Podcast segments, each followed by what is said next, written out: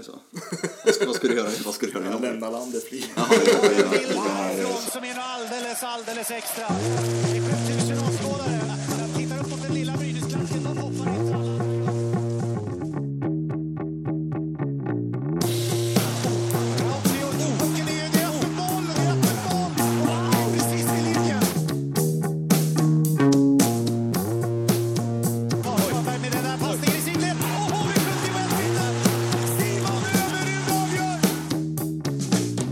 Välkomna till situationsrummet, första avsnittet av eh, den nya SHL-podden som vi gör här på hockeysverige.se och på svenskafans.com.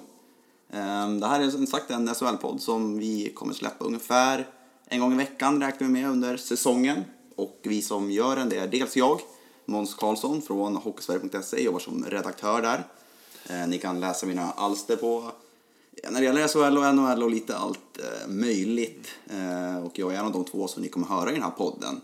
Men jag är som tur var inte ensam utan jag har också med mig Viktor Alner. Jajamän, och Viktor Ahlin heter jag som sagt. Eh, Jag är hockeyredaktör på svenskafans.com, så där har jag min arena så att säga. Eh, Så nu är vi igång. Mm. Det känns bra. Det känns som att vi redan har fått upp en, en bra, ett bra intresse för podden utan att vi ens har släppt ett avsnitt. Så jag hoppas att vi ska kunna vara er till lags så att säga och att ni blir nöjda med, med produkten. Det känns som att eh, vi, vi känns som att vi har ett, stöd från start här så nu ska vi försöka hålla det uppe helt enkelt. Jo, men det känns ju verkligen så. Man blir ju lite ödmjuk. Ja, verkligen, verkligen. Inför det här. Men eh, det blir spännande. Det ska bli lärorikt. Ja. Absolut. Verkligen. Och vi kommer idag gå igenom eh, SHL-säsongen, vad vi tror, lite förutspåelser och lite sådär. Men vi kommer inte gå igenom det liksom lag för lag, lag 1 till 14, utan vill ni göra det så rekommenderar jag dels eh, svenskafans.com och hockeysverige.se. Och på Svenska fans är det faktiskt du, Viktor, som leder genomgångarna i år. Mm, det är det. Vi kör, började idag faktiskt. Eh, Så vi kör två lag per dag nu då, framöver. Så att, eh, ja, det är bara att följa oss där. Var- För varje dag då. Och på hockeysverige.se är det ju som alltid den eminente Uffe Bodin som styr spakarna när det gäller SHL-genomgångarna. Eh, Och just idag finns det på svenskafans.com vet jag Rögle och Mora. Är det som ni går igenom då? Karlskrona, Karlskrona och Mora, förlåt. Karlskrona och Mora. ja, det stämmer. Eh, Vi har ju som en, eh, där alla våra lag, lagredaktioner har ju tillsammans tagit fram ja, vad vi rangordnar lagen. Och då har vi börjat nerifrån uppåt. Då. Så idag så har vi presenterat Mora och Karlskrona. Eh, och Mora är lite intressanta i år utifrån att eh, de är nya i SHL. De har ju fått, eh, och de har ju värvat in en helt ny tränare som också är helt grön om man tänker på SHL. Han har ingen SHL-erfarenhet, Mattias Karlin. Det tycker jag är ganska modigt av en ny klubb så att säga som kommer in efter åtta säsonger eller vad det är i Hockeyallsvenskan. Väljer att gå efter någon kanske liten hungrig ja, tränare som... Ja, vi har inte sett så mycket av honom. Det- Nej, han har ju gjort det väldigt, väldigt bra under många år. Västervik, han har tog väl upp mig egentligen från division 2 till division 1 från början och sen division 1 till Hockeyallsvenskan, blir topplag i Hockeyallsvenskan. Så det är ett naturligt steg att han kliver upp i SHL ändå, tycker jag. Sen har det gått fort sista åren, men känns som att han ändå är redo för, för den här, tycker jag. Absolut, och sen var det väl, det är klart att Mora hade hoppats på att få behålla den här Jeremy Collit, Ja. Som, eh, som, ja, han har väl gjort, gjorde succé i Mora helt enkelt eh, och var där i några säsonger och fick, fick upp dem. Eh, vad jag har förstått så är tanken är väl att Mattias Karlin försöker köra lite samma spelstil som eh, Carleton. Colleton. Eh, och så. Men ja, frågan är ju om eh, det, det spelstilen räcker för SHL, tänker jag. Eh, pr- väldigt faktiskt i Hockeyallsvenskan, men ja. Och så. Sen tycker jag också, när man pratar om Mora, så tycker jag också spela Matt Bailey, som kom in där på slutet. Ja, han, jag tycker ja. han känns som att han håller SHL-klass. Han håller SHL-klass, det tycker jag också. Och han, och på något sätt, eh, han fick igång Mora på något sätt, kände jag där i kvalserien. Och, eh, det ska bli riktigt spännande att se honom eh, föra det här laget i SHL faktiskt. Ja, om man jämför Mora med Leksand som kom upp förra året så var ju Leksand ett lag, det var ju ett hockeyallsvenskt lag nästan rätt igenom. Det ser man ju med att de har i princip behållit samma trupp i år när de åkte ner i hockeyallsvenskan. Det var liksom ett lag som var färdigt att vara ett topplag i hockeyallsvenskan då, inte färdiga att gå upp då, Leksand.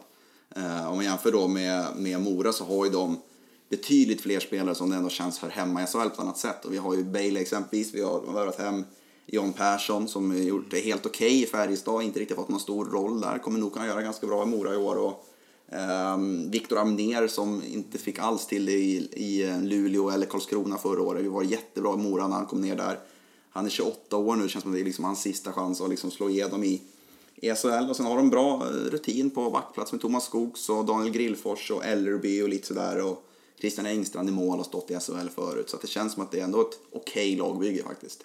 Sett i förutsättningarna. Ja, det är jag beredd att hålla med om. Samtidigt så om man, om man tittar på, om vi pratar om Leksand lite, lite grann i alla fall då, så eh, de var ju inte organis alltså, organisationen var ju inte redo för SHL när de gick upp där. De var ju inte alls beredda på den situationen. Mora tror jag kommer vara mer förberedda än vad Leksand var. Och det tycker jag man ser också på laget nu. Eh, Sen är det såklart att de är nya serien. Eh, Det är inte samma ekonomiska resurser som eh, övriga konkurrenter. Eh, Mora kommer att få det tufft. Eh, De kommer att slåss i underläge. Eh, Så att, men samtidigt är det alltid spännande med nya lag. Och Ja.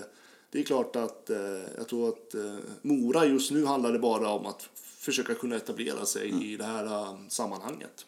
Ja, det handlar ju som sagt, det är det som är lite synd med nykomlingen, att det är en 52 omgångar lång förberedelse för kval. Det blir nästan så, för att första året ska det till väldigt mycket för att man ska undvika kval.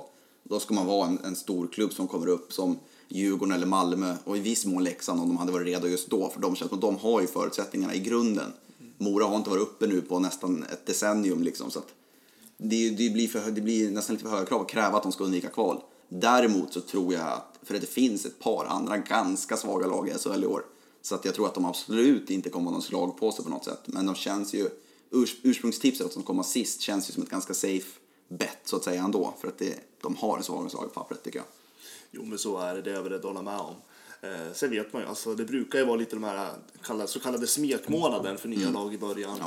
Ja, det. eh, som säkert har mycket att göra med att de andra lagen underskattar Mm. eh, den nya klubben så att säga. Men, eh, men jag tror att Mora ändå kommer vara eh, det kommer vara ett ganska eh, konkurrenskraftigt lag i de undre regionerna Mm. Absolut. av tabellen så att säga. Eh, så att man ska nog inte räkna bort dem helt. Jag blir lite chockad ifall de tar en poäng eller två mot Frölunda borta i premiären. För att då är det just det här att då kommer de in som nykomlingar i sin första match. Frölunda är liksom storfavoriter och i princip vinner SM-guld i år. De, de hade flest favorittips på upptaktsträffen av tränarna, ja, själva exempelvis och sådär. Så att då känns det som att eh, då kommer Mora vara extremt hungriga. Så det gäller ju för, för tränarstaben att hålla den energin uppe även när det börjar gå tyngre i november, december. Eh, liksom. Men eh, tror att de kan, eh, tror att det finns en liksom skräll, skrällchans för, för Mora. Alltså jag tror deras skrällchans är ganska liten Mm. faktiskt. Eh, Det jag tänker är viktigt för just Mora det är alltså hela organisationen och framförallt fansen allt det, är att ha tålamod. Mm. Eh, De, de måste bygga långsiktigt för att kunna etablera sig i den här ligan. SHL är en tuff liga. Det är svårt att konkurrera mot de övre topplagen så att säga. Så att, eh, nej, men Mora måste tålamod, långsiktigt Mm. bygge ska de tänka på. Det kommer vara en tuff säsong nu, men eh, klarar de den här säsongen förhoppningsvis för deras skull att de inte hamnar i kvalserien, då kan de bygga vidare därifrån. Och det här året är extra viktigt i och med att tv-avtalet tickar in från nästa säsong. Så håller du kvar i år, då kan det här säsongen vara värt tio säsonger i framtiden sen, bara du håller kvar nu liksom. Så är det Så absolut. det är och extra jag, viktigt nu. Det tror jag också att Mora är väl medveten om. Ja. Att det här handlar om att göra allt vad man kan för att få stanna i SHL. Eh, Det kommer bidra till så mycket bättre förutsättningar. Men vad tror, vad tror du att det finns något annat lag som skulle kunna bli eh, liksom eh, lite som Karlskrona var, i alla fall första halvan, första tre fjärdedelarna nästan av förra säsongen? Ja, alltså jag, tyck, jag spånar lite grann på Rögle Mm. eh, när man tänker ett lag som kan, skulle kunna preste- prestera lite bättre än vad jag tror större massan har förväntningar på dem. Eh, nu förlorar de ju eh, Anders Lindbäck där, eh, Ja. en bra målvakt som eh, väldigt, kommer vara väldigt, väldigt viktig för dem. Och som de verkligen ville ha kvar också. De Ja, var väldigt precis. öppna De med att det var deras första Ja, val. men liksom. precis. Det var deras första val. De, de fick in Ville Kolpanen, Mm. eh, som jag tror, tycker, han har gjort det helt okej. Eh, i fin- han har spelat i finska ligan Mm. med eh, Helsingfors, tidigare Jokerit. Eh, jag tror att han kommer göra en helt okej insats för Rögle. Eh, så att... Sen naturligtvis en eh, spelare som jag tror verkligen kommer lyfta det här laget, det är ju Ted Brithén. Ja, Eh, han är också lagkapten, vad jag har förstått. precis. Och, Kommer ju eh, hem till, till moderklubben nu efter några år i, i där Han har, han har ju tillhört inte det absoluta toppskiktet i SHL, men liksom under det absoluta toppskiktet under flera säsonger. Så att få, för Rögle att få hem en sån kille är ju total jackpot liksom. Ja, men ab- absolut. Eh, Och eh, jag tror en sån, en sån spelare kommer, kommer ju försöka, han kommer ju vara den som kommer leda det här laget på något sätt. Eh, och lika den här Altonen Juamatti, eh, om man uttalar det rätt. Också en offensiv kägla som jag tror Rögle kommer att ha behov av. Så nej, men jag, tror, jag tycker ändå att Rögle har en eh, ganska intressant eh, offensiv. Eh, sen finns det, det är klart att jag tycker det finns orosmoln är ju såklart, såklart backarna. Jag tycker de, det är inte samma styrka som haft tidigare. Eh, nej men Rögle känns ändå som ett lag som skulle kunna skrälla. Ja, jag såg att Sanne Lindström hade tippat dem här på slutspelsplats på tionde plats exempelvis. Eh, och det känns som att Rögle egentligen hade chansen redan förra året, men då blev det förstört av alla skador. De hade skador på skador på skador på skador. Sen första halvan hade de bedrövligt målvaktsspel, sen fick de in Anders Lindbäck och då lyfte de. Men så kom det skador på skador. De tog in Daniel Widing som lyfte dem i några matcher, sen gick han sönder och var borta resten av säsongen. Det var liksom så hela säsongen var, så kan Rögle bara hålla sig skadefria. Och, för de hade ju liksom, det var ju nästan halva laget var spelade, det var ju juniorer under vissa matcher förra året. Då, då får ju de här äldre spelarna spela halva matchen och det orkar man inte över en hel säsong ut heller. Utan det, det orkar man i korta perioder. Det har vi ju sett på, på många lag de åren, Brynäs inte minst, som det, det laget som vi har följt närmast. Att det blir för hög belastning på, på skärmarna till slut. Ja, precis. Och sen så tror jag, eh, om man tänker när s- säsongen som väntar, att eh, just eh, om man tänker den nedre halvan av tabellen kommer också vara oerhört jämn tror jag. Eh, Jag tänker de sista plats, slaget om de sista slutspelsplatserna kommer vara oerhört tuff. Men jag tror att Rögle har en klar chans att knipa en sån plats faktiskt. Ja, det tror jag med. Jag har också jag har två lag som kan skrälla och det ena är ju kanske ingen större skräll. Det är ju, för mig i alla fall, det är ju Malmö som har redan förra året tog ett mycket större kliv än man trodde. I serien kom de visserligen bara åtta, men man ska komma ihåg att in i november så någonstans så ledde de ju serien ett tag där. I alla fall oktober. Eh, började ju oerhört starkt och hade ju ett powerplay som låg runt 50 procent första delen av säsongen. Eh, sen var det lite berg och dalbana resten innan de toppade formen perfekt i slutspelet. Och i år har de ett riktigt starkt lag. Om Oskar Alsenfelt kan hålla samma enorma nivå som han gjorde förra året så tror jag att Malmö är ett lag som kan slåss om en finalplats. Men det är jag inte ensam om att tro i år. Så att det är ju kanske fel att kalla dem skräll så. Eh, utan de känns som ett av sju lag som verkligen utmanar toppen. Eh, tycker jag. Absolut. Sen måste jag ju säga att eh, eh, jag tycker nästan att Malmö, de har ju en av kanske seriens starkaste målvaktspar. Ja, ja det är starkaste Det är säga. absolut starkaste. Ja, det är absolut. helt fantastiskt eh, tycker jag. Det ska bli väldigt spännande att se Malmö eh, Mm. utifrån det. Ja, det var ju en period i slutspelet förra året när Alsenfelt var väl lite sjuk eller lite skadad eller vad. Då klev ju Nilstorp in och man märkte ju ingen större skillnad så. Så att de vet ju att, och han har ju vunnit ett par SM-guld dessutom, Nilstorp. Så det är en helt okej backup att kasta in om man säger så. Absolut, absolut. Och, och det kommer bli en trygghet för spelarna tycker jag också. Ja. Att oavsett vilken målvakt som står så kommer det ändå liksom, det blir en trygghet att veta, ja men målvakten plockar de här puckarna Mm. liksom.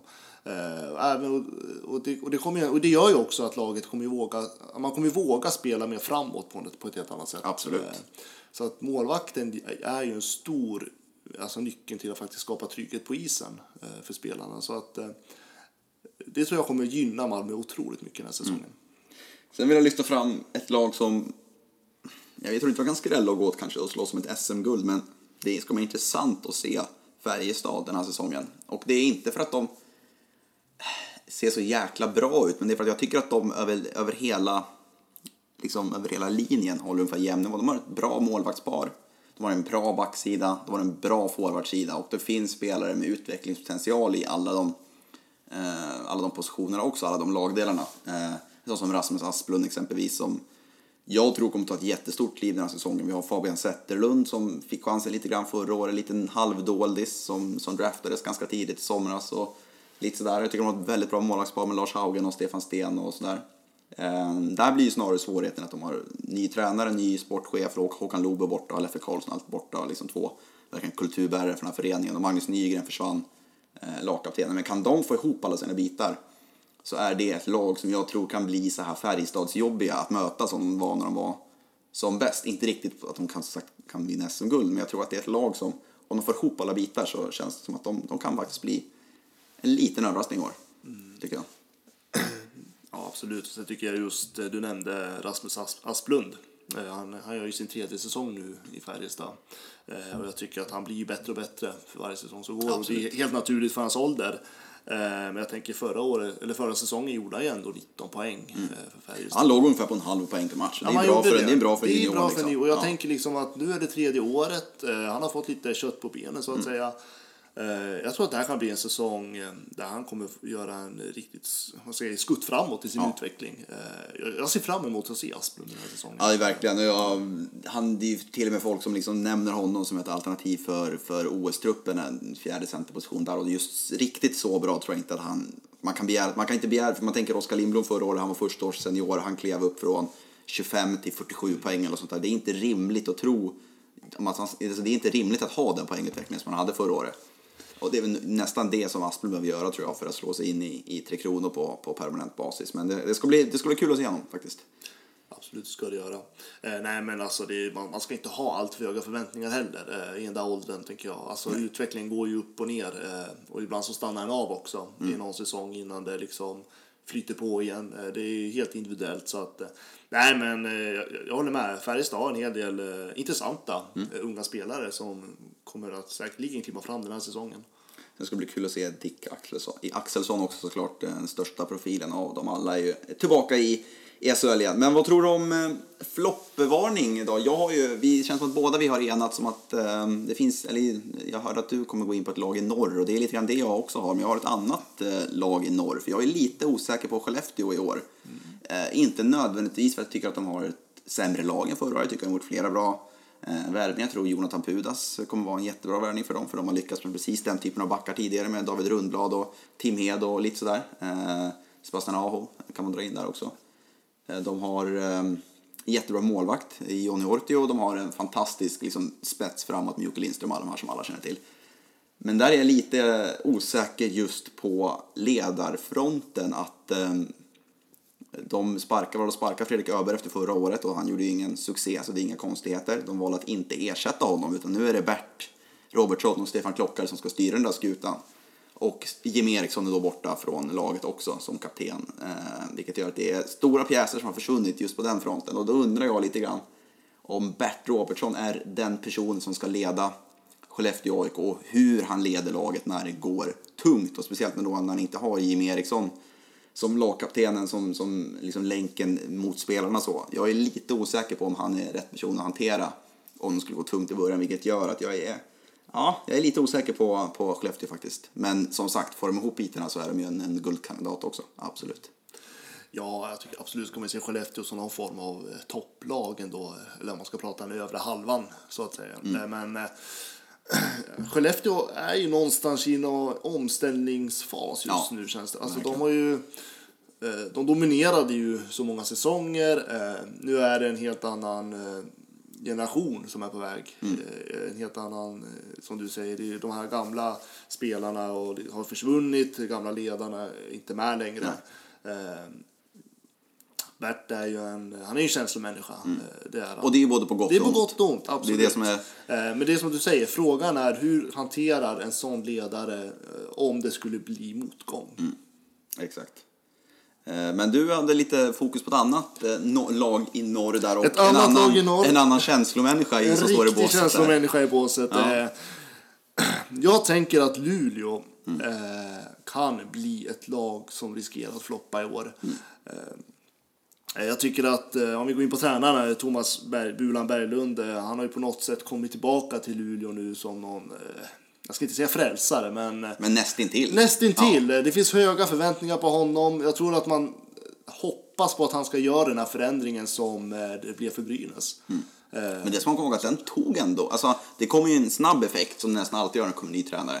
Sen gick det lite grann i stå stundtals under andra Ja, men det var, säsongen det också, var ju liksom. inte förrän eh, ja, det här, gångna säsongen då, som eh, Brynäs faktiskt fick en eh, framgång, om man säger så. Ja, då blev det ju maximal utdelning liksom. Maximal utdelning. Eh, sen ställer jag lite grann frågan eh, om Luleå har den spelarmaterial i laget idag eh, som har förmågan att spela den hockey som Bulan vill spela. Eh, samtidigt så ställer jag mig lite grann jag tycker Bulan är en fantastisk tränare. Han är otroligt på att pusha på spelarna och, han vet precis vad han vill ha i sitt lag.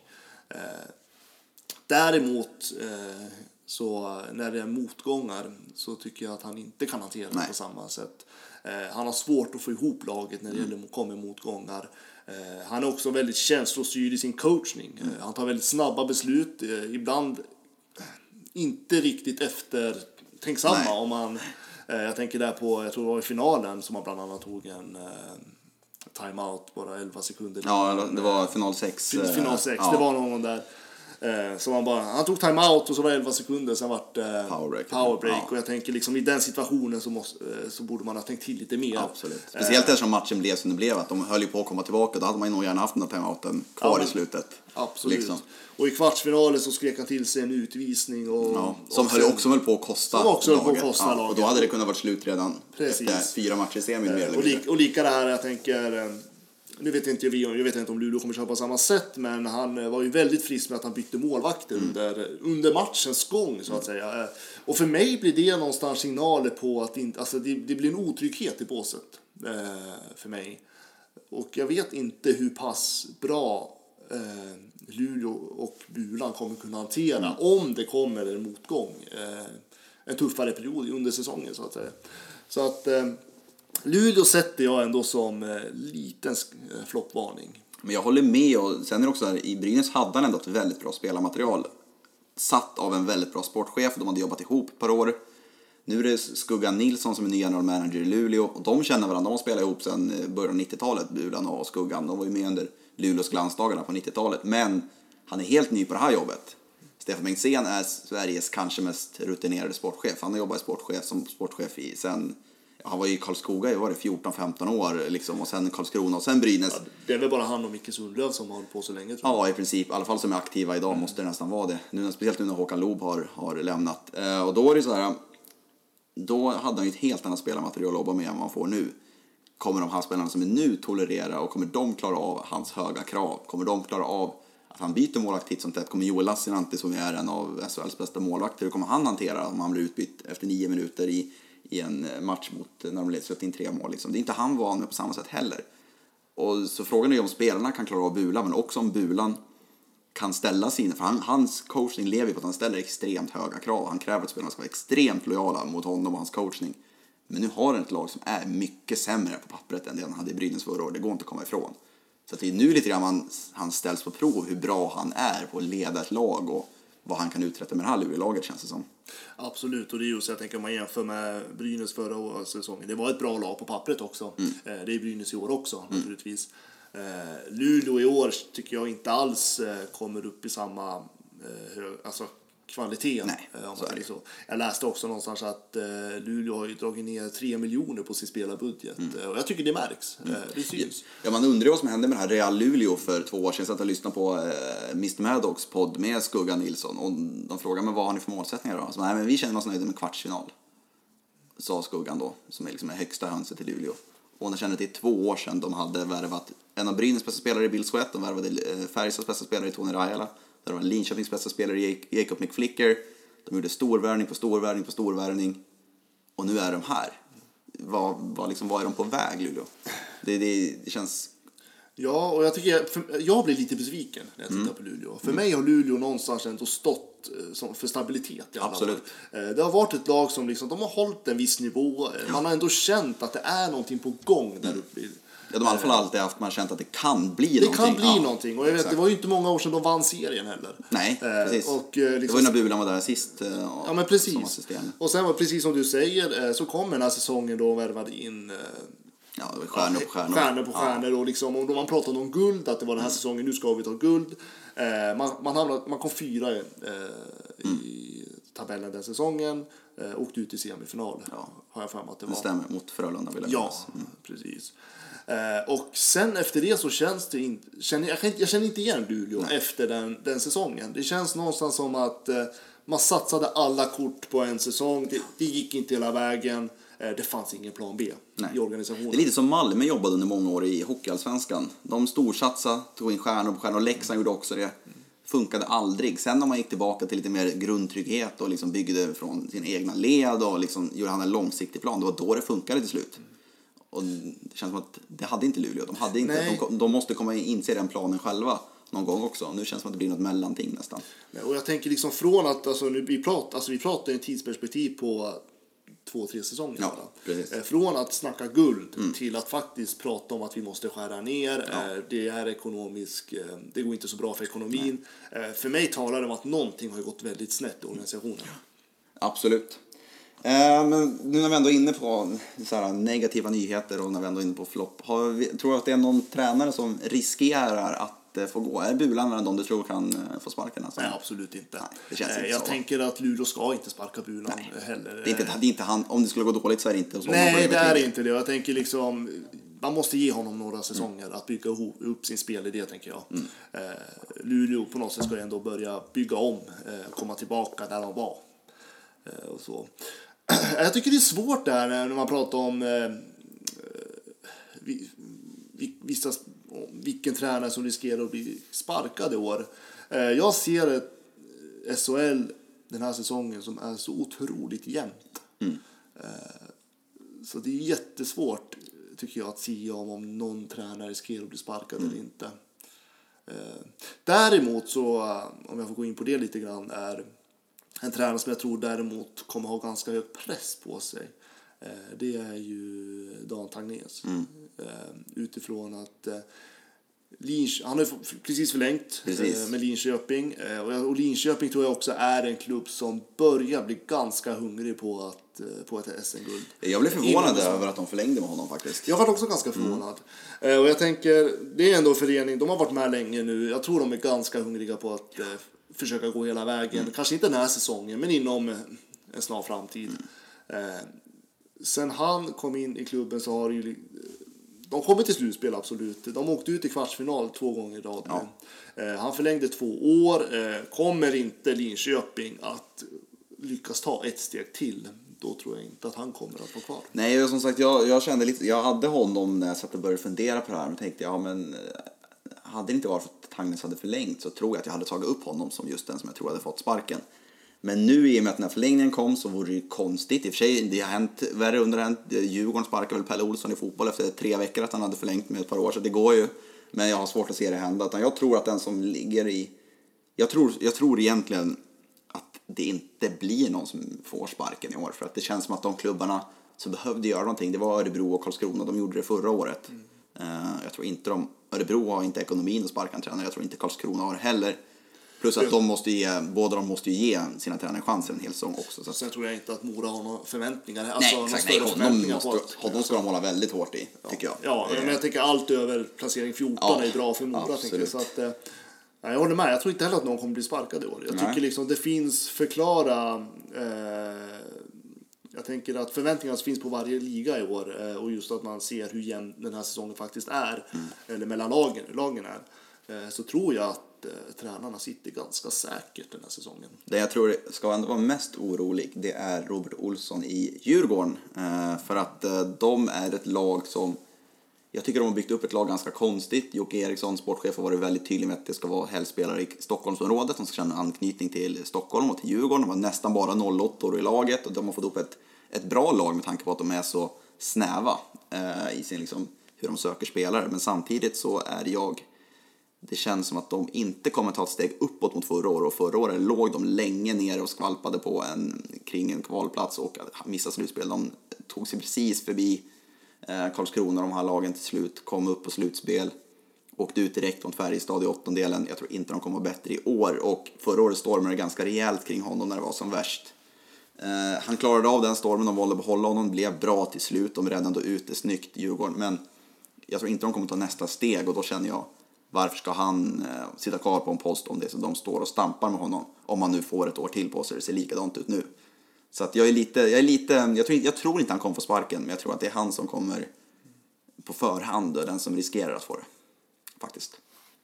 Eh, och när vi ändå är inne på, på Djurgården så, så eh, om vi ska in på vår nästa punkt där så vi tänkte snacka lite om en potentiell värvningsflopp.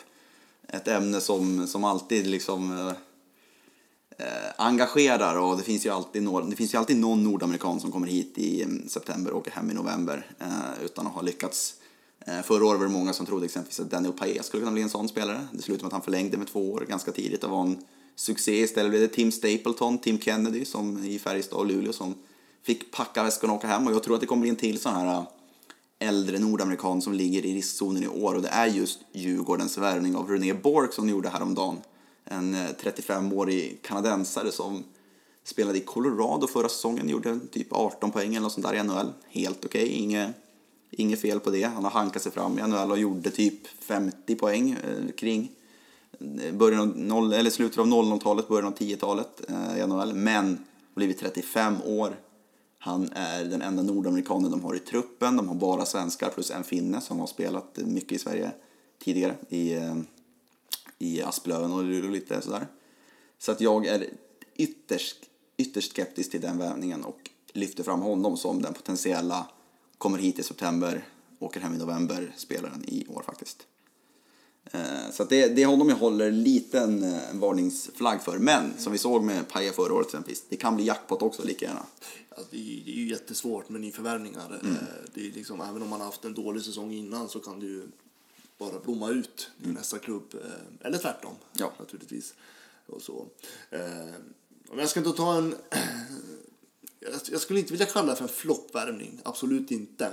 Däremot så tycker jag att han känns lite överflödig, om jag får säga så. Eh, det är Kristoffer Liljevall mm. Eh, i Brynäs.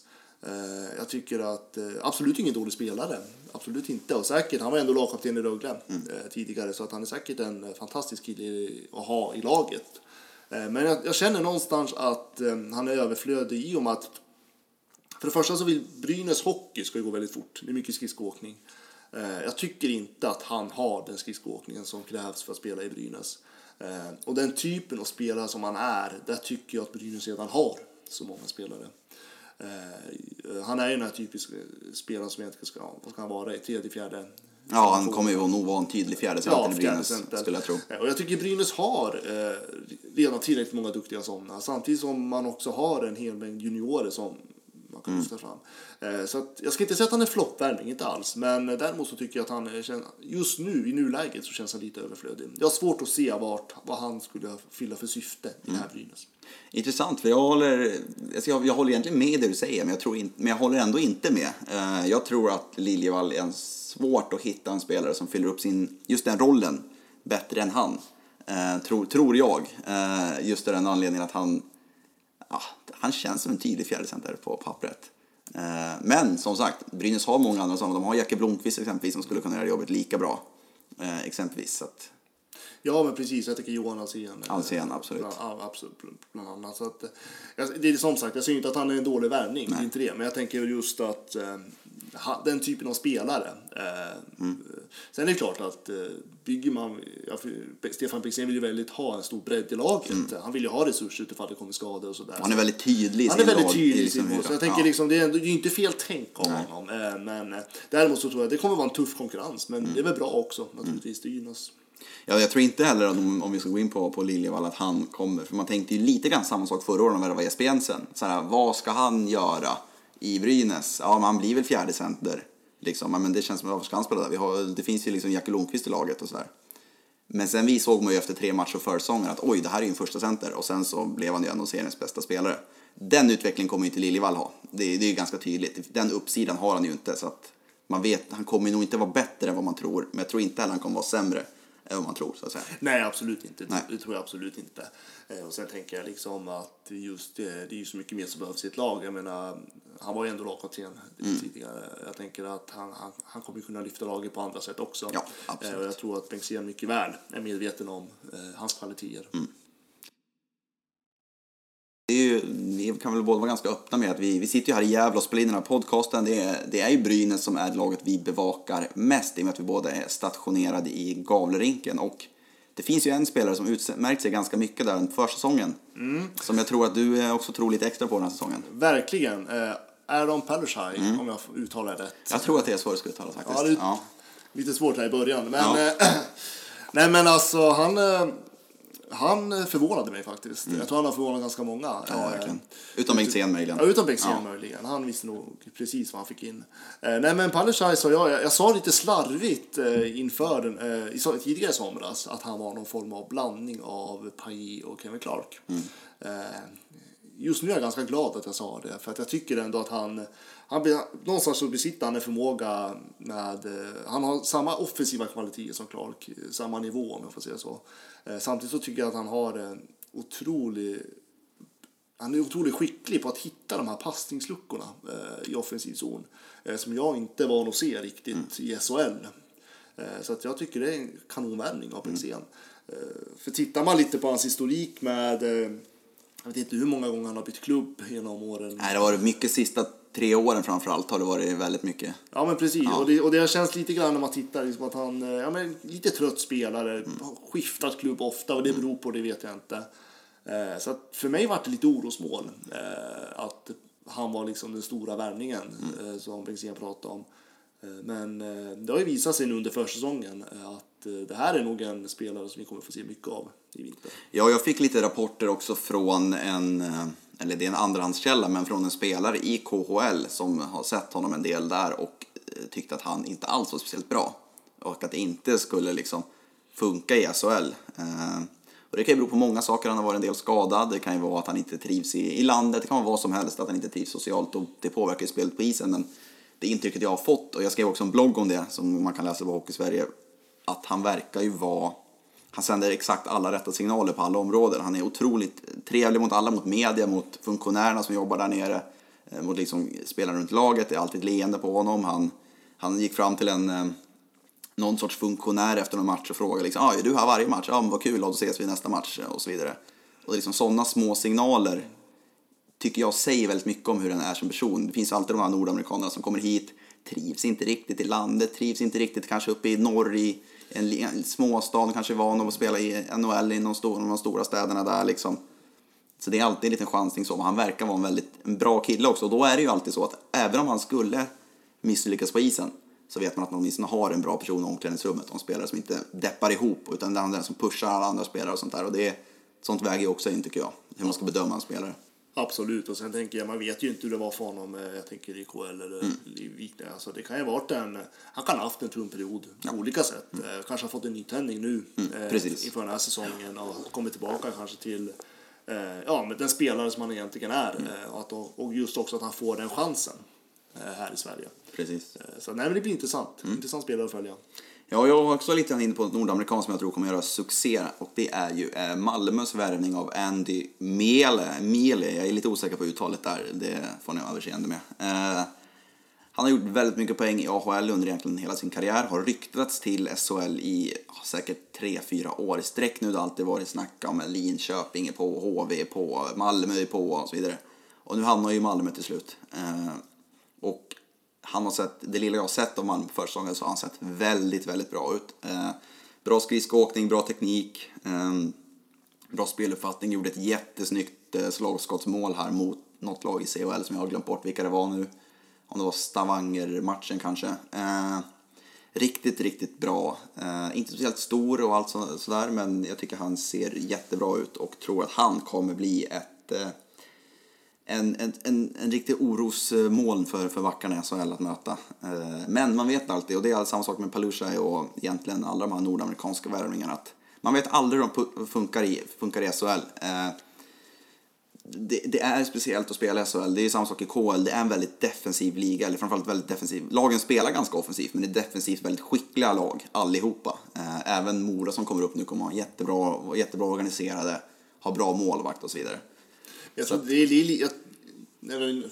Mm. inne på uh, defensiv, det är också lite det här, jag tänker det här svenska hockey tänker på något Ja, sätt. men precis. Det finns alltid Eh, kvar. Det finns alltid kvar den här Mm. svenska strukturen, just det här att vi, att just egen zon, Ja. Mm. eh, att vi är väldigt strukturerade i egen zon. Eh, sen har vi varit lite sämre på offensiv i, i siven. eh, Och, Och det ser man ju ofta i poängligorna i SHL att det är ofta nordamerikanskt i topp. Mm. Nu det- förutom när Jocke Lindström och när Tony Mårtensson var som bäst så har ofta varit, det har varit Ryan Lash exempelvis, det har varit Brock Little och så vidare, Derek Ryan och så vidare. Precis. Och där vet jag att svensk hockey, de tittar ju mycket på Kanada. Mm. Eh, hur, de, hur de tränar, hur de spelar, hur de lägger upp eh, sina övningar. Mm. Både på träning, träningarna just för att lära sig det här offensiva. Eh, och lägga in budskapet liksom att varje pucken ska in på mål. Mm. Eh, och sådär. Sen, så, sen är det klart att vi måste formatera in i vårt, eh, det här svenska hockeytraditionen så att säga. Vårt sätt att tänka hockey. Eh, men jag tycker ändå att det blir bättre och bättre i SHL. Jag tycker Det blir det. att eh, eh, sven, svenskarna är på gång och det tycker jag framförallt att vi ser i junior-VM. Mm. Eh, och sådär. Sen tycker jag just när det gäller den biten att det kan fortfarande bli ännu bättre. Absolut, absolut. För vi har fortfarande för få som, som om man nu ska gå ur, gå ur liksom SHL-bubblan en liten bit så vi är alldeles, fortfarande alldeles för få svenskar i NHL som gör mycket mål. Det är i princip bara Filip Forsberg och Rickard Rakell som jag tror kommer, alltså liksom har den eh, auran runt sig att bli bra målskyttar i, i NHL som är där just nu. Men det kommer ju spelare uppifrån som du säger, eller underifrån som du säger. Och det, det känns som att det är en tidsfråga när någon till liksom slår igenom. Liksom. Så är det ju. Jo, men absolut. Jag tycker man, jag tycker man ser det mycket på juniorhockey nu också. Mm. Att det är på gång. Men det, det här tar ju år att eh, få igenom så att säga, nationellt. Absolut. Så att, ja, men det blir spännande. Mm. Eh, när vi ändå är inne på uh, värvningssuccé så måste jag ändå jag måste nämna Viktor Fast. Självklart. Eh, Det är den mest givna succén liksom. ja, men jag tycker verkligen. Ja. För mig så sätter det Växjö någonstans där man pratar om eventuell SM-finalist Mm. som vi har framför oss. Eh, jag tycker att ska man komma långt behöver man en bra målvakt. Viktor Fast är väl säkerligen kanske bästa målvakten. Eh, enskilt bästa Ja, det måste man eh, säga. i SHL. På pappret är han det. På pappret är han det, och, är eh, jag tycker det är väl Oskar Alsenfelt som kan utmana, möjligen Jonas Gustafsson också i Linköping. Mm. Men Så att Viktor Fast kommer bli väldigt roligt framförallt att han är tillbaka till SHL. Mm. Verkligen. Så att, fram, framtida OS-namn också Ja. naturligtvis. ja, håller han sig skadefri så ska det ju väldigt mycket till för att han inte kommer i OS-truppen. Det är väldigt, känns som en väldigt given spelare där. Det gör det absolut. Eh, nej, men så det tycker jag också blir, det blir målvakt att det blir roligt att se. Mm. Och det såg man också förra året med, med Jocke Eriksson som de plockade in som är från, från våra trakter här uppe i kring Gävle, skogarna. Det, Hedesunda. han, precis, han var inte riktigt den succén som man hade hoppats på. Han, var inte, han har ju vunnit guld i, i Skellefteå. Han var ju också där när de tog sig till final 2012 där när de mötte, mötte Brynäs. Och, eh, då var nu målet på väg uppåt och man kände att det här kommer bli en riktigt bra målvakt. Jag fick det inte riktigt att stämma i Nordamerika, kommer hem, skulle liksom bli Växjös ehm, guldmålvakt. Funkar inte riktigt. Jag tror han är perfekt i Djurgården där han är nu, för de behöver verkligen liksom få in en klar första målvakt. Men det var ju Viktor Fast-typen som de, och i viss mån Daniel Rahimi som också var in på backplatsen. Det är två spelare som jag tycker gör Växjö till ett bättre lag. Sen vet jag att det finns folk som tycker att Rahimi är en old school back och det här att han inte är så vass skridskoåkare utan bara spelar fysiskt. Och de backarna är ju nästan helt borta, även från SHL. Det är ju de här unga, skridskoskickliga, eh, med bra första pass som liksom gäller nu. Eh, Snabba uppspel. Det Precis, Det som, det är, det, det är där liksom nyckeln ligger. Ja. Ha så lite tid i egen zon som möjligt, vända runt så snabbt som möjligt, skicka iväg pucken. Och den typen av back är ju inte Daniel Rahimi, men jag tycker ändå att, jag tycker personligen att det är en spelare som, som skulle bli väldigt kul också att se i, i SHL. Absolut. Jag tycker ändå när du är inne på Jocke Eriksson, vi går tillbaka till Djurgården Mm. lite grann. Eh, absolut, Djurgården är otroligt glada att ha honom Mm. eh, i sitt lag. Eh, sen gäller det också att för honom, för Jocke Eriksson, för honom måste, han måste hitta tillbaka till sin trygghet på något sätt. Mm. Komma tillbaka till den här formen som eh, egentligen finns en förväntan på honom. Eh, och där har ju han också ganska mycket krav på sig, tänker jag, från Djurgården. Eh, att eh, att ja, måste le- leverera. Verkligen. Det är nu han ska vara som bäst också. Han är väl född 90 tror jag, så det är nu han ska in i sin, i sin prime. Eh, men om vi ändå är inne på, vi var ju lite grann in tidigare på det här med svenska spelares utveckling och så vidare. Om vi har, eh, det finns ju väldigt mycket mm, unga skickliga spelare SHL i år. Det känns nästan som att det är rekordmånga som är rekordbra liksom. Vi har Eh, ja, men sådana som var draftade förra året så har vi ju exempelvis Timothy Liljegren eh, som gick högt i draften för Rögle. Eh, Elias Pettersson är i, eh, i Växjö nu. Ska bli jättekul att se honom. Elias Andersson ifall han blir kvar i Frölunda också en sån där. Jag tror ju framförallt också på Sen har vi ju såklart Rasmus Sandin, Adam Bokvist som kommer upp i draften nästa säsong och Isak Lundeström. Och jag tror ju framförallt också på en spelare som jag verkligen tror kommer slå igenom den här säsongen. Är han som draftades av Vegas i första rundan eh, som nummer 17 förra året. Jag tror det var nummer 17. Eh, 15 år. Eh, Erik Brännström som spelar i HV. Eh, en ung back. Eh, han spelade en del redan förra året. Eh, Jag tycker han borde fått spela mer. Nu vann de guld så man kan inte direkt klaga på, på matchningen. Men jag tycker att han förtjänade att spela mer och han hade fått det i vilket annat lag som helst. Det är en ung kille som jag tror jättemycket på om man räknar bort de här såklart. De givna som jag var inne på tidigare. Timothy Liljegren, Elias Pettersson och Elias Andersson. De här. Det tror jag är en spelare som kommer att kunna ta nästa kliv den här säsongen och verkligen få ett genombrott.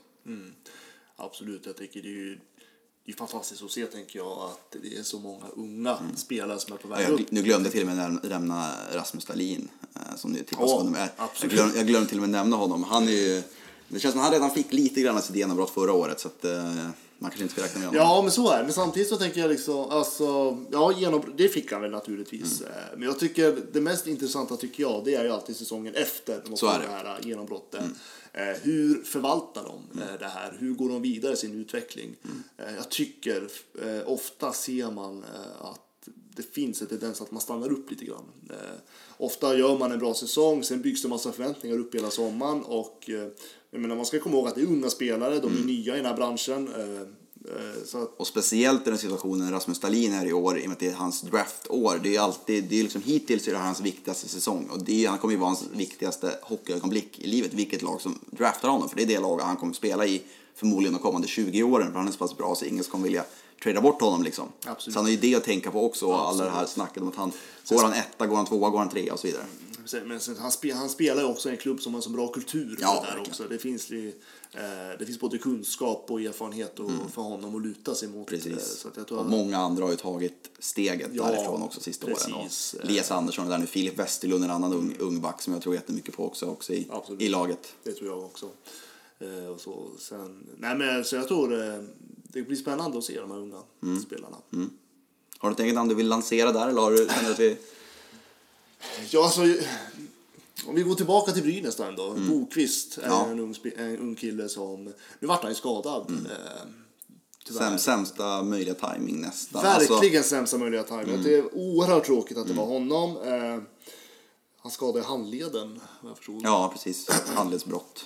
Precis. Eh, Man har dock inte fått någon riktig rapport han nej, jag tänkte, och, nej, eller om man ska operera borta. och sånt där. Det har varit lite osäkert. handlederna igen. Alltså, det finns, alltså,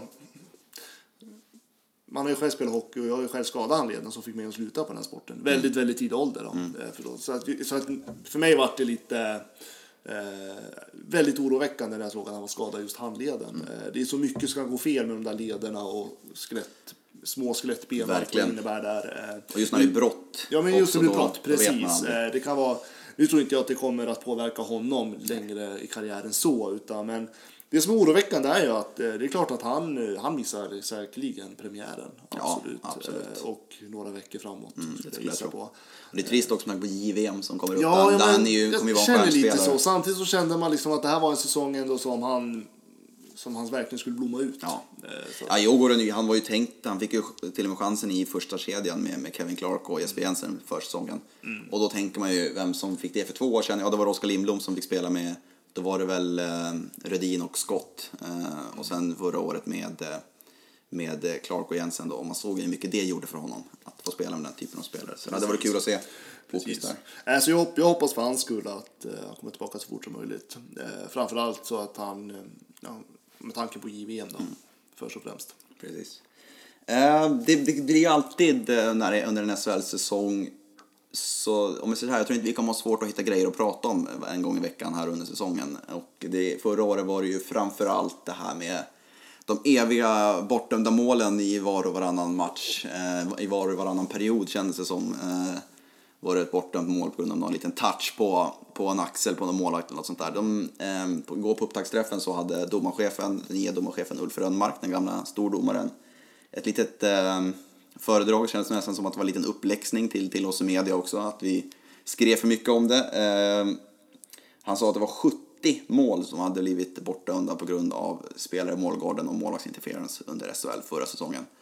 Det är ganska mycket. Om man tänker att Brynäs som var det lag som spelade mest spelade 72 matcher. Så det är i princip, om man säger att de skulle spela 72 matcher så är det i princip att det skulle kunna hända en gång per match. Eh, blir det årets snackis också? Nu har de gjort om reglerna där och nu krävs det ju en tydlig kontakt, eller hur han nu uttryckte det, för att de skulle döma bort målet. Och det är domaren som har eh, makten och situationsrummet kan inte längre ringa ner till domarna utan det är bara de som kan ringa upp. Eh, tror du att det blir årets, kan bli årets snackis eller har du någon, vad tror du kommer bli liksom, årets heta potatis i SHL så att säga? Oj, bra fråga. Nej, alltså jag tror inte att just det kommer bli årets snackis. Mm. Eh, Det är klart att eh, situationsrummet försvinner eh, ur det perspektivet. Eh, Det kommer däremot... Mm. Ja, makten lämnas över till makten domarna lämnas över till domarna. Ja. Och samtidigt så kommer det ställa ännu mer press på domarna. Exakt, jag. det tror jag tänker att blir det de här... eh, mänskliga faktorn tänker jag. Eh, som vi aldrig kommer komma ifrån. Och egentligen ska vi ha jätterespekt för det. Men i stridens hetta, eh, när det blir de här eh, besluten som balanserar lite grann. Eh, de kanske inte är lik, så tydliga och domaren dömer fördel till ena laget. Det kommer att bli skriv och skrik eh, i arenorna. Det kan jag nästan garantera. Ja, det, det, som är, det som är intressant är att det som var positivt med det här förra systemet var att då var det verkligen svart eller vitt. Då var det, man visste exakt. Nu, läm, nu blir det ju en bedömningsfråga och varje gång det blir bedömningsfråga så blir det också större risk att det blir fel. Eh, och det blir större risk att det blir ett tyckande om saker och ting, vilket man ju inte... Det, det kommer ju ändå ifrån förra året, man tyckte att allting var fel för att man märkte att det där målet är fel, men då var det i alla fall man visste att nästa gång kommer de också döma bort det där målet. Nu blir det mer osäkerhet. Nu blir det mer osäkerhet. eh, Och jag, jag tänker att det kommer försvinna ganska mycket transparens. eh, ut- eh, I alla fall i början eh, av säsongen. eh, Så. Men samtidigt så, det krävs ju en ännu mer tydlighet för, från domarnas sida tänker jag. Eh, Att man, eh, man, måste, man får ju ta de här snacken i början. eh, Och samtidigt en stor respekt från spelarna. Att eh, nu, är, nu försvinner faktiskt den här möjligheten att eh, verkligen titta. Eh, Men jag tror att i längden så tror jag att det här blir mer positivt. Det tror jag, men jag tycker att situationsrummet ska få... Jag tycker att deras primära uppgift, det är så här, är pucken inne eller inte? Då är det okej.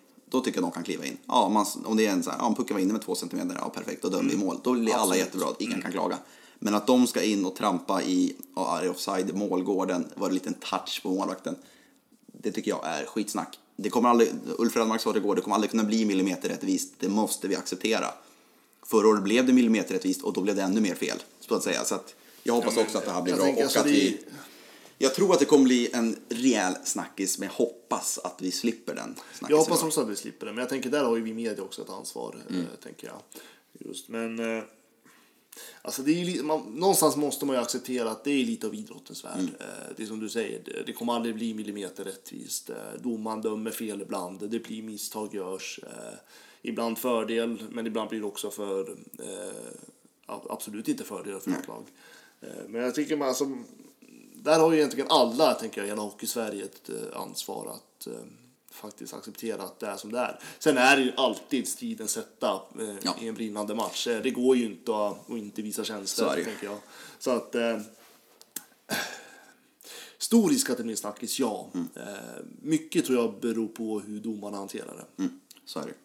Eh, en annan som kanske en liten, kommer bli en liten snackis tror jag ju är eh, OS. Att det faktiskt är stor chans för att SHL-spelare att komma med. Annars har vi VM årligen, absolut. Men då är det alltid det här, man vet om att det blir max kanske 3, 4, 5 SHL-spelare i slutändan ändå. För sen kommer KHL-spelarna och sen kommer alltid några NHL-spelare som slår ut dem. Nu kommer det definitivt inga NHL-spelare, det kommer inga AHL-spelare, utan nu är det nu, nu vet man vilka spelare man har att välja på redan nu.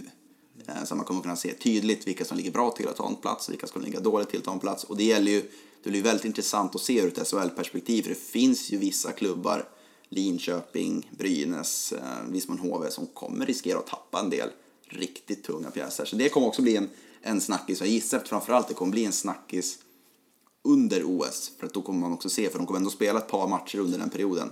Lite grann Det som... blir väl tre, fyra matcher. Ja, precis. Och tänk att om vi tar eh, eh, Linköping som exempel, har värvat Derek Roy, en tung center, han kanske försvinner. Jonas Gustafsson, deras första målvakt, kanske försvinner. Chad Billings, deras nya återvändande stjärnback, han kanske tappar. Växjö förlorar sin första målvakt. Precis, och, och Brynäs förlorar Kevin Clark, kanske, kanske Ryan Andersson, kanske Simon Bertilsson. Kan ju bli Pallerstein nu då. Ja, Pallerstein. Då kan det vara första femman som, som ryker första powerplay-uppställningen som är borta i ett nafs några matcher. Så det tror också kan Jag bli tror en också snackis. just det här att eh, det blir alltid känsligt när serien fortsätter Mm. under en...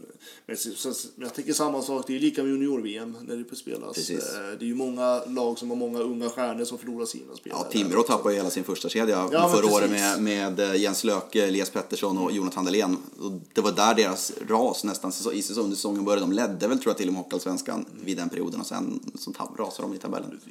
Eh, och, men någonstans, alltså vi vet... Det är klart att det, det kommer bli skriverier och det, Mm. man kommer ju tycka att eh, sitt, om sitt eget lag förlorar mycket eh, under den perioden så är det klart att man tycker att det är pest och pina och allt eh, vad det innebär. Eh, men eh, det är de förutsättningarna vi går in på den här säsongen. Eh, vi kommer ju inte vara chockade Nej. precis. Så att, jag tror det kommer snackas men jag tror inte det kommer snackas så mycket om det. Jag ser, jag ser scenariot framför mig här att Simon Bertilsson åker iväg, kommer tillbaka med en, med en, eh, med en axel ur led och sen är säsongen över igen. Det, det, det scenariot ser redan nu framför mig, ser redan nu rubrikerna framför mig där. Att, Ja, då eh, blir det rubriker. ja, då blir, då blir det rubriker. Nej, men, men så, det är väl den rädslan som alla har, tänker jag, när det blir just landslagsuppehåll överlag. Det är ju att eh, spelarna ska, stjärnorna ska komma tillbaka Precis. skadade. För fansen bryr sig ju inte, speciellt om det är, vi säger att det är en, en nordamerikansk stjärna. Man skiter ju fullständigt i det för Kanada i OS, så då är det verkligen så här, men, det var ju totalt onödigt att han åkte iväg, Mm. tänker vi hemma i Sverige då såklart. Ja, precis. Eh, nej, men så det tror jag finns stora risken om det blir någon spelare som blir långtidsskadad efter de här turneringarna. Ska avsluta med lite kortisar då. Eh, vilka vi tror kommer stå ut när serien är avslutad så att säga. Så jag tänkte köra, vi kör, vi kör tre snabba med, med dig här först, så kör vi tre snabba med mig här. Avsluta. Eh, vem blir skyttekung i SHL 2017-2018 tror du? Skyttekung SHL. Förra året blev det Kevin Clark för eh, Oskar Lindblom och Olli Pallala vill jag minnas som slutade trea i Växjö. Och av dem är det ju bara Clark som är kvar. Ja, om jag ska vara snabb då. Alltså jag Mm. säger Kevin Clark igen. Eh, han kommer att vara i samma eh, typ av medspelare den Mm. här säsongen. Och poängkung, förra året blev det ju Jocke Lindström som eh, alltid känns det som när han är hemma och lirar. Nu är Ryan Lash tillbaka som vann för två år sedan. Eh, Så att det kanske blir eh, där det står mellan då. Och Bud Holloway har också vunnit sen tidigare. Han är ju också tillbaka nu på, på heltid. Så Det är han. eh, Men jag tror inte att Bud Holloway kommer att eh, vara den som tar det. Utan eh, då tror jag, om man, om man ska välja en då så säger jag Ryan Lash. Mm. Jag tror att utifrån att han spelar i mycket bättre klubb. Han har sett otroligt bra ut i CHL också. Han, har väl gjort, han gjorde väl han gjorde nio poäng eller sånt där första fyra matcherna. Så han ser riktigt, riktigt bra ut. Och sen kanske viktigaste frågan av alla då. Eh, vilka som blir svenska mästare och får stå där och göra som HV gjorde för, vad blir det, ungefär fyra och en halv månad sedan i, i Enköping. Oj, den är svår. Den är riktigt svår. Eh, Jag ser nästan åtta lag som kan ta det här guldet. Mm. eh, Om allt slår ut, slår ut rätt för dem. Eh, Men ska jag säga ett lag? eh, Det blir... Jag säger Växjö. Mm. Jag tycker att de har både offensiven och bredden och för att gå hela vägen. Mm. Ja, ja vi har, jag tror vi kommer svara olika på de två första, men eh, jag, eh, sista kan, finns det en risk att vi kommer svara samma på. Eh, jag tror ju att Oskar Möller kommer vinna skytteligan i SHL i år. Eh, intressant. Ja, han spelade ju bara 16 matcher förra året eh, på grund av skador och sen blev ju hans fru sjuk där, fick väl en tumör och sådär. Eh, så han, han gjorde 10 mål på de 16 matcherna. Det är ett bra snitt i SHL. Håller han det snitt hela säsongen så är han upp en bit över 30 och då vinner man garanterat skytteligan. Förra året var han väl Kevin Clark på 23 tror jag, om jag vill minnas rätt. Mm, ja, det Ja. gjorde han. Så jag, jag tror att Möller, om han får vara skadefri en hel säsong och få spela intill Jocke Lindström och Per Lindholm i deras fruktade första och framförallt i deras starka powerplay så kommer han göra mycket mål tror jag. Absolut. Upp mot 30 i alla fall. Absolut, samt särskilt om Skellefteå också får lite flyt Ja, under säsongen. precis. Då tror jag absolut att han kan eh, vara med och konkurrera. Mm. Och poängkung, där blir det ju, det känns, jag håller ändå de där fyra, som, eller tre som jag nämnde tidigare, Holloway, Lash, Lindström och sen Andy Mele i Malmö som de fyra förhandsfavoriterna. Och eh, jag noterar nu att det är tre nordamerikaner och en svensk. Så att det, det vore väl kul på ett sätt om Jocke Lindström behåller tronen. Han är 33 år och svensk och det känns inte som att det är den typen av spelare som presterar som bäst i SHL just nu. Det känns som att han sticker ut lite grann där. Men ändå är han bäst fortfarande. Så att jag håller Jocke Lindström som poängfavorit. favorit. Ja, får vi se, om det. Ja. Får vi se sen då. Ja, det, blir en, jag. det, blir en häftig, det kan ju bli en häftig duell. Alltså, Ja, det ja, känns men som att- absolut, Det känns som att absolut. vi verkligen kan få den där duellen mellan Jocke Lindström och Ryan Lash. Det tror jag är, det är lite grann den typen av rivalitet som SHL har saknat. Att, om man tänker KHL, då har det alltid varit de här gamla Sergej Mosiakin, Alexander Radulov och de här storstjärnorna. De har liksom gjort upp om den här tiden varje år. Det blir som en rivalitet. Vem vinner i år? De har väl, av de här nio säsongerna KHL har funnits så har väl typ Mosiakin vunnit fem och Radulov tre eller något sånt här liksom. Eh, Så det är nästan alltid varit någon av dem. Det saknar vi i Sverige, för så fort en spelare vinner här så drar den iväg. Eh, vi såg Ryan Lashman för två år sedan drog till Schweiz. Eh, exempelvis Derek Ryan drog också iväg till Nordamerika när han hade vunnit exempelvis. Och lite sådär. Så därför hoppas jag att Jocke Lindström kan eh, behålla tronen. Men sen tror jag faktiskt vi är överens. Jag håller också Växjö som, som guldfavorit. Dels tror jag ändå att Viktor Fast kommer vara den bästa målvakten. Även om det är otrolig konkurrens just på målvaktssituationen i år.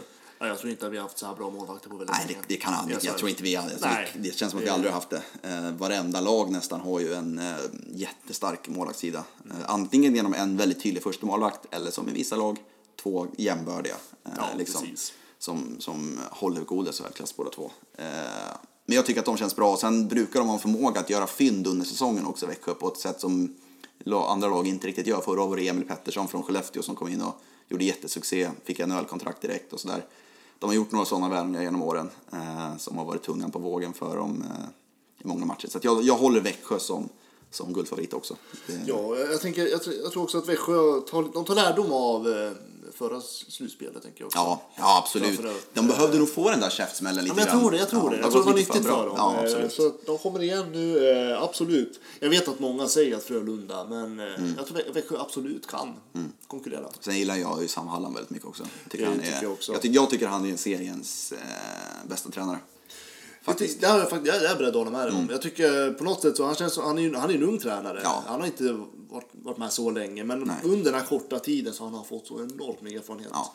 Eh, och just att han, han vill ha den här moderna typen av Mm. hockey på något sätt. Eh, som speglar Växjö väldigt bra. Han är modern, hela han är en modern ledare. Ja, men liksom. ja. precis. Eh, Jag tänker, han- det är, om man ska tänka framtidens typ av ledare så är han ett namn som jag tänker på.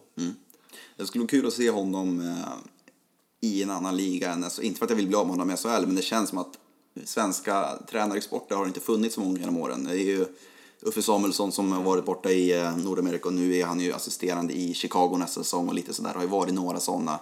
Bengt-Åke Gustafsson var iväg i KL en sväng efter att han hade varit i Tre Kronor och lite sådär. Men generellt är de eh, väldigt få. Så det skulle vara kul att se om... Eh, nu har vi ju Jeremy Colliton som tog klivet från Mora ut till AHL i alla fall. Nu är inte han svensk, men han är ändå en av få tränare som har tagit det steget för SHL. Så det skulle vara kul att se Sam Hallam i en annan liga också, men han skrev väl på ett nytt typ femårskontrakt här nu för ett tag sedan. Så att han blir nog kvar i Växjö. Så är det. Och, det, och, det, och jag tänker, ska vi se sådana tränare i framtiden så tror jag det är väldigt viktigt att göra just som Mora gör framförallt. När man lyfter fram en helt ny tränare som inte är van med SHL-karaktär. Mm. Absolut. Eh, för att gör vi inte det så kommer vi inte få fram någon tränare. heller. Eh, Så jag tycker det är modigt gjort. Absolut, Luleå gjorde så en gång i tiden med Roger Rönnberg också exempelvis. Och, och Växjö lite i viss mån med Sam Hallam, även om han hade varit i Karlskoga innan. Och sen Brynäs såklart med Tommy Jonsson som, som hade varit assisterande ett par år, men fick liksom chansen i huvudtränaren. Det är så, det är så hockeyn utvecklas tror jag. Absolut, jag tycker Ove Molin nu i Karlskrona. Det är Ja, första, precis. Mm. första gången han är huvudtränare en hel säsong. Eh, så att, eh, nej, men jag tror att just trä, tränarfrågan tror jag kommer bli väldigt eh, intressant i framtiden Mm. för svensk hockey. Ja, det är näst, av av de här gamla, så att säga, äldre generationens tränare så är det väl egentligen bara Roger Melin som är i SHL nu va? Ja. Sen är det Tangnes, det är Roger Rönnberg, Sam Halland, det är Bulan och de här yngre. Ja, de har inte hållit på lika länge. Alltså, Melin är väl den som har längst Precis, och han är ju... Absolut längst så han. Av den här gamla generationen så är det väl... Lill-Kent avviker för Örebro förra året, det kanske var... Det trodde man kanske var den sista spiken, men Roger Melin, man vet att han dyker alltid upp där i SHL till slut. Han kommer vara där även när vi, när vi eh, sit- sitter i på ålderdomshemmet. Eh, Det tvivlar inte en sekund. Men man ska ju ha dem där också som Ja, har erfarenheten, absolut. Eh, Absolut. Mm. Det är klart, vi behöver ju bredden, så är det. Ja, Ja men då, då så, då känner vi, hoppas att ni känner att vi har fått, eller att ni har fått ett bra eh, grepp om SHL. Och som sagt, vill ni ha mer initierat om varje lag så tro mig, det finns plattformar för det också.